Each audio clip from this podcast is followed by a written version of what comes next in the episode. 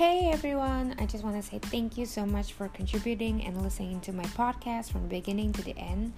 I do want to announce that there will be a change of format and that I will be speaking in Bahasa Indonesia because I want to specifically spread my message to my brothers and sisters in Indonesia. Let me know if you would all prefer English, Indonesian, or even make both. And just yeah, just let me know. Halo semua, aku mau mengucapkan terima kasih sudah mendengar podcast aku dari awal. Seperti yang aku telah ucapkan, aku mau merubah format podcast aku dalam bahasa Indonesia dan dengan sedikit bahasa Inggris karena ada hal-hal tertentu yang kalau diterjemahin ke bahasa Indonesia langs langsung direct itu aneh. Jadi aku agak sedikit mencampurkan bahasa ya.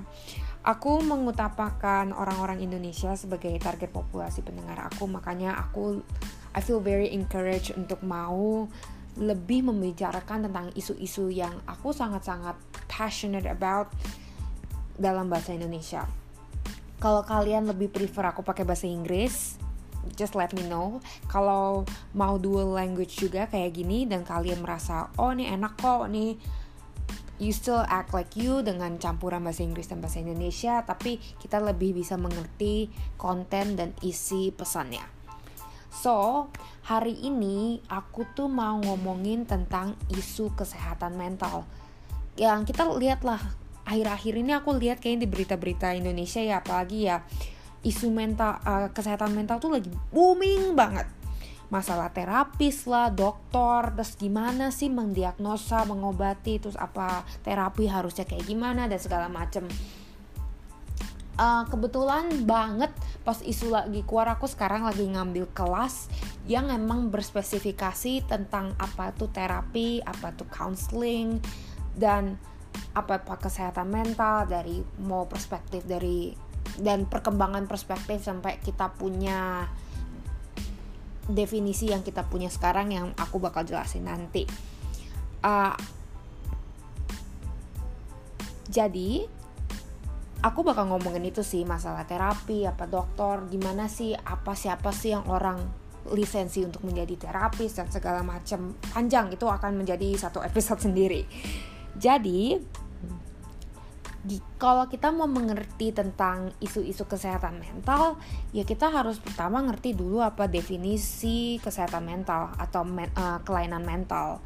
Jadi berdasarkan buku di SM5 atau Diagnostic and Statistical Manual of Mental Disorders, the fifth edition, atau dalam bahasa Indonesia, ini direct translationnya, jadi uh, my apologies kalau agak aneh uh, manual diagnostik dan statistik gangguan mental edisi kelima. Jadi dia mendefinisikan kelainan mental sebagai aku akan uh, mengucapkannya bahasa Inggris terus habis itu aku baru translate ke dalamnya bahasa Indonesia. A behavioral psychological syndrome or pattern that occurs in an individual reflects an underlying psychobiological dysfunction the consequences of which are clinically significant distress, example, painful symptom or disabilities, must not be merely an expected response to common stressors, stressors and losses, example, the loss of a loved one, or a culturally sanctioned response to a particular event, example, trans states in religious rituals, primarily a result of social deviance or conflicts with society. Dalam bahasa Indonesia, sebuah perilaku atau sindrom psikologis atau pola yang terjadi dalam seseorang mencerminkan disfungsi secara psikobiologis. Konsekuensi distres yang signifikan secara klinis, contoh gejala uh, menyakitkan, uh, gejala disabilitas, gangguan pada satu atau lebih area fungsi penting seperti kayak daya ingat ataupun atensi, attention atau bu dan uh, hal-hal uh, yang fungsi-fungsi penting cara kita membaca, cara kita mencerna informasi.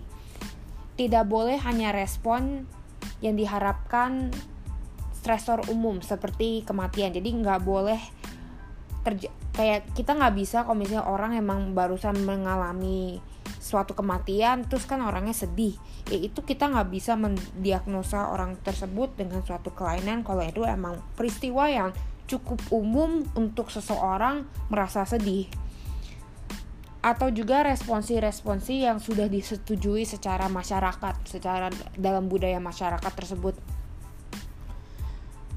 Karena definisi-definisi ini kan cukup ribet ya dan cukup panjang juga ya. Jadi aku akan memecah ini menjadi tiga bagian, menjadi tiga episode supaya kita tuh bisa lebih mendapat uh, lebih mateng lah kayak apa sih bukti-bukti setiap definisi dan aku bisa lebih memecah definisi definisi definisi definisi tersebut.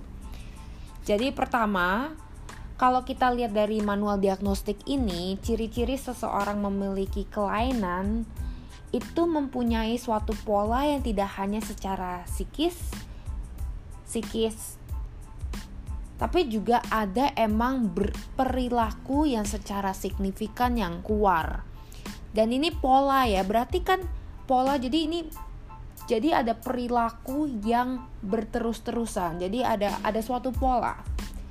Kalau seorang misalnya stres kalau seseorang terus menerus stres misalnya gampang panik atau badan pun mengeplar ini salah satu bukti kalau orang itu mungkin kita harus lebih pay attention it's more than just stress. Apalagi kalau ada suatu eh, ada sebuah pola yang terus berkelanjutan dan terus terus men, uh, terus menerus terjadi ada pola masalah-masalah yang masalah ada masalah-masalah yang terus menerus memicu stres orang tersebut. Kalau kita mengatakan kalau orang itu stres atau lemah ya kita sering orang Indonesia ngomong ah masa gitu aja nggak bisa sih? Kayak ah masa gitu aja kamu nggak bisa sih handle lemah dalam kemampuannya menangani konflik itu. Itu sebenarnya nggak akurat teman-teman Kenapa nggak akurat? Karena kelainan mental itu tidak terbatas dalam kondisi psikis seseorang. Makanya penting banget poin kedua ini yang kita sering sebagai orang Asia itu tidak memperhatikan atau tidak bahkan tidak tahu. Bahkan aku setelah aku belajar dan juga kuliah dan juga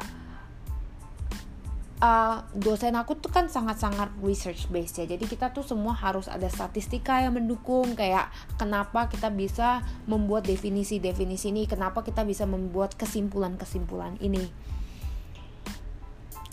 Perilaku-perilaku tersebut adalah sebuah cerminan suatu kelainan secara psikis dan biologis. Gila ya. Kelainan biologis loh kayak hah kesehatan mental kayak kejiwaan kok bisa ke biologis apa hubungannya? Paling gampang gini deh pernah nggak sih kita kalau gugup banget sampai sakit perut? Karena stres itu itu sebenarnya meningkatkan suatu hormon yang keluar. Teman-teman aku yang kedokteran pasti udah lebih jago lah. Tapi itu emang ada reaksi secara biologis Jadi mungkin sekarang teman-teman kan masih bertanya kok bisa biologis kan kalau itu wajar kan stres tapi kok bisa kayak kita sampai leb, kayak it's more than just stress. Kenapa? Apa yang membuat ini beda? Terus apa bukti-bukti kalau ini nggak cuman misalnya anxiety sama stres itu adalah sesuatu hal yang sangat-sangat berbeda ini give a little general intake aja ya. Dan teman-teman boleh nanya kalau ada yang lebih penasaran perbedaan-perbedaan tersebut. Tapi kalau misalnya stres, stres itu sebenarnya lebih membangun loh. Karena kita sebagai manusia membutuh stres. Kayak kayak stres di dalam badan kita meningkatkan jumlah hormon kortisol dan itu bagus untuk you know perkembangan kita. Tapi kalau anxiety itu biasanya bersifat merusak, bersifat menjatuhkan dan lebih banyak negatif dibanding positifnya. Contoh dan dan banyaklah contoh yang kayak begitu. Oke, okay, kita akan ngomong lebih the research that supports kenapa bukti-bukti biologis tentang orang dengan kelainan mental dan misalnya orang yang tidak punya kelainan itu. Aku menurut aku aku nggak bisa bilang ada orang normal atau ada orang yang benar-benar sakit ya karena menurut aku ini semua tuh kayak suatu spektrum. Jadi kayak tinggal intensitasnya seberapa Jadi contoh, based on research. Dan teman-teman juga bisa search kayak di journal, di research paper yang udah di review dan juga di publish tapi jangan cuma ngambil dari blog-blog ya atau dari jangan ngambil dari www siapa punya blog atau dari Wikipedia aja juga sebenarnya nggak akurat teman-teman. Tapi kayak ngambil dari emang organ organisasi publikasi yang sah tentang topik-topik kayak begini seperti APA atau American Psychological Association, American Association Association for Psychological Science terus misalnya asosiasi asosiasi medical medical juga banyak yang sudah membuat literasi literasi tentang isu-isu ini kayak literasi dalam field neuroscience, neuropsychopharmacology dan banyak lagi lah. Menurut sebuah riset dari Dr. Edward Marin, PhD, Department of Medicine, Center of Neuropsychopharmacology, Division of Brain Sciences, Imperial College London, berkata dia melakukan suatu research dan mengumpulkan data dari neuroimaging biomarkers atau foto aktivitas otak melalui resonansi magnetik atau bisa dibilang topografi komputer, morfologi struktur otak, fMRI. Jadi fMRI sama MRI bagi yang belum tahu kalau fMRI itu lebih melihat fungsi. Kalau MRI itu kayak lebih foto yang still uh, metabolic MRI, tes genetik, PET scan, dan juga neurokimia. Dan karena ini banyak banget argumennya dan researchnya sungguh-sungguh interesting banget, aku akan lebih fokus ke struktur otak karena I feel like itu yang paling gampang kita cerna lah sebagai orang-orang awam. Jadi menurut Dr. Maron dia uh, menemukan bahwa orang yang memiliki anxiety atau bisa dibilang rasa resah yang dalam tanda kutip berlebihan dan orang itu sangat-sangat reaktif dan sensitif memiliki bentuk anatomi otak yang berbeda. Contoh bertambahnya jumlah gray matter, volume amigdala, terutama wanita, dan reaksi waktu yang berkepanjangan dalam tugas pelacakan dan penurunan atensi. Jadi attention mereka itu lebih orangnya tuh gampang distracted atau gampang fokusnya tuh gampang terpecah. Dan banyak lagi research yang menemukan biological biological factors ini and differences yang bisa membantu juga memprediksi if someone has like a mental disorder. Jadi dari ini kita bisa lihat bahwa kesehatan mental itu kompleks, ribet dan itu memegang banyak faktor. Kayak itu memek kayak mem, kayak banyak faktor yang kita harus lihat. Secara psychological berarti secara kejiwaan tapi juga secara biologis. Nanti juga ada lagi secara sosial. Dan gimana itu semua kayak like intricate with one another untuk sampai bisa ada klasifikasi-klasifikasi ini. dan juga kita kelihatan wah ternyata secara biologis emang otaknya juga lain berarti kan ini adalah sesuatu hal yang serius dan juga sebuah topik yang harusnya kita lebih banyak bicarakan dan kita gak usah malu membicarakan karena it's time to open up the space gitu loh. Jadi kayak kita let's start talking about it. Karena kalau kita tidak membicarakan dan kita tidak sensitif dengan isu-isu ini juga ada banyak research yang mendukung ya. Ini tuh bisa mempengaruhi generasi ke depan. Dan menurut aku kita sebagai generasi sekarang kita harus memikirkan untuk generasi yang generasi ke depan. Jadi itu aja podcast episode 1 dalam series kita mental health taboo kalau if anyone have questions atau apa aja boleh email aku di gracia.rudiman@covenant.edu atau juga DM di Instagram @gracia_rudiman. Ini bener-bener masih kasar banget dan aku lagi coba cari format yang baik yang bisa I feel comfortable ngomong bahasa Indonesia tapi I feel like it's myself karena nanti kita juga ngomong ini satu topik yang another series yang kita bakal ngomong tentang masalah bilingualism dan juga tentang gimana sih orang yang emang belajar berbagai bahasa seumur hidup. Dan itu juga ada perubahan struktur otak ternyata. Keren lah pokoknya. Jadi kalau if you have any questions or anything just let me know. Thank you so much for listening to my podcast. Aku uh, I will see you guys next week dengan kita akan lebih bahas berkepanjangan kepada poin-poin yang lain dari uh, manu uh, manual diagnostik ini tentang definisi kesehatan mental.